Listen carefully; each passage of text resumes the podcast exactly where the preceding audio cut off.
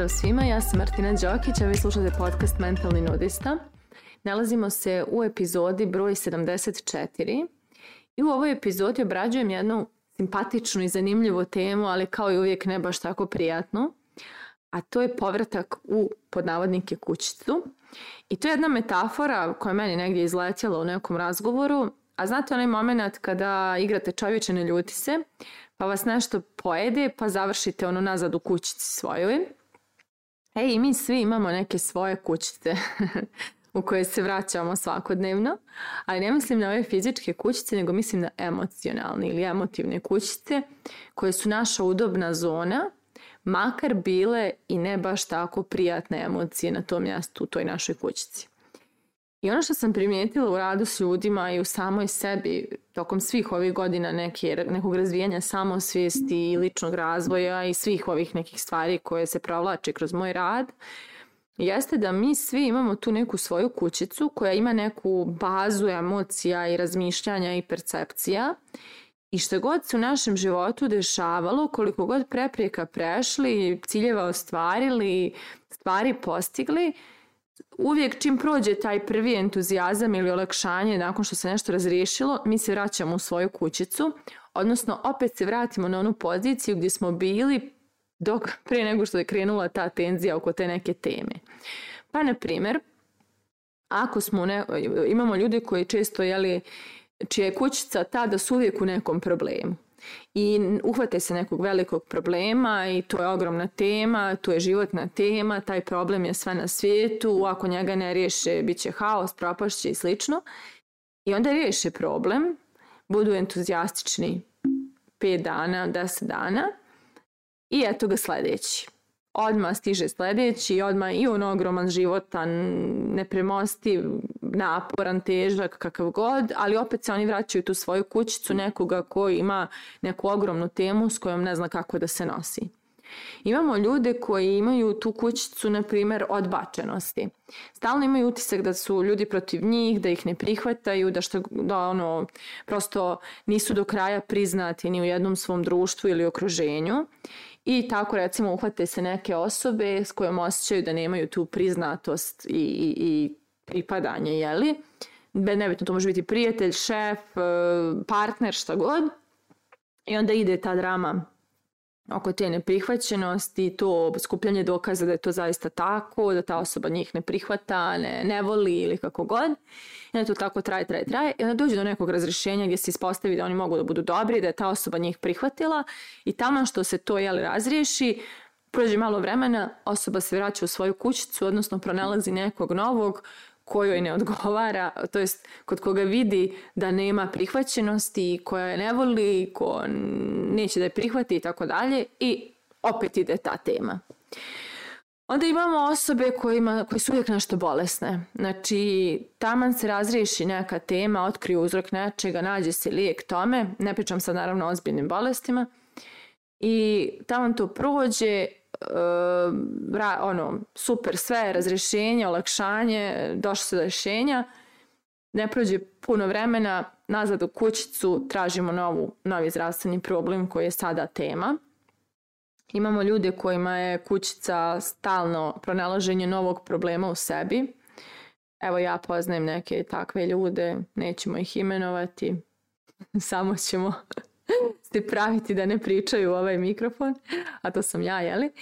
I recimo taman se razriši neka velika životna tema, trauma, posljedica nekog, neke prošlosti i onako vratim se u kuću, vratim, ono, uživam malo u plodovima tog, tog rezultata i onda pup, nazad u kućicu, opet neka tema, neko otkriće gdje sam još felerična i šta još meni treba da se popravi u mom nekom emotivnom i mentalnom uh, e, dijelu ličnosti I onda opet ta tema muči, bježim od nje, suočavam se sa njom, ne, nalazim rešenje, nalazim rešenje, ona me muči, drža, daj razriješi se, ja ono, upijem taj rezultat koji sam napravila, uživam neko vrijeme u njemu i onda opet nazad u kućicu. Tako da shvatili ste u suštini logiku i metaforu, skloni smo tome da imamo neko svoje gledište i tačku koje nam je najprirodnije i najudobnije i u koje se vraćamo. Kad kažem najudobnije, nama se možda nekad ne čini da nam je to udobno, jer kome bi bilo udobno da je stalno bolestan ili da se stalno osjeća odbačenim ili da stalno ima neki problem, ali e, zapravo ne mora udobno biti isto što i lijepo i možda ću čak i da snimim poseban podcast na tu temu, ali suština je udobnost nije uvijek kao sve mi je potaman. Nekad je udobnost upravo to što um, smo u bazi poznatog, a to poznato mogu biti neke emotivne ne, situa neke emotivno izazovne situacije, odnosno neki stresovi. Neko, neko pliva u anksioznosti konstantno, neko pliva u konstantnom stresu, neko pliva konstantnim toksičnim vezama. I u suštini naša zona udobnosti je ona igra u kojoj znamo pravila. A nekad su, nažalost, to igre u kojima smo mi neka žrtva ili neko ko je oštećen i pošto znamo pravila te igre, to je naša zona udobnosti.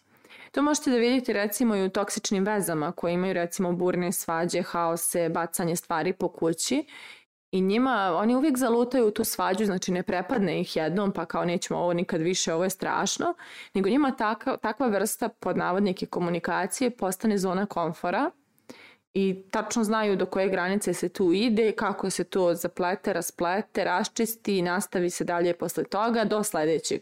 takvog događaja. Tako da, naša kućica ne mora biti ono što je lepo, mirisno, udobno, mekano, toplo, nego često može biti nešto mračno, strašno, toksično, naporno, izazovno i možemo biti skloni da se uvijek vraćamo na tu tačku u životu. Tako da praktično naša kućica je ta neka tačka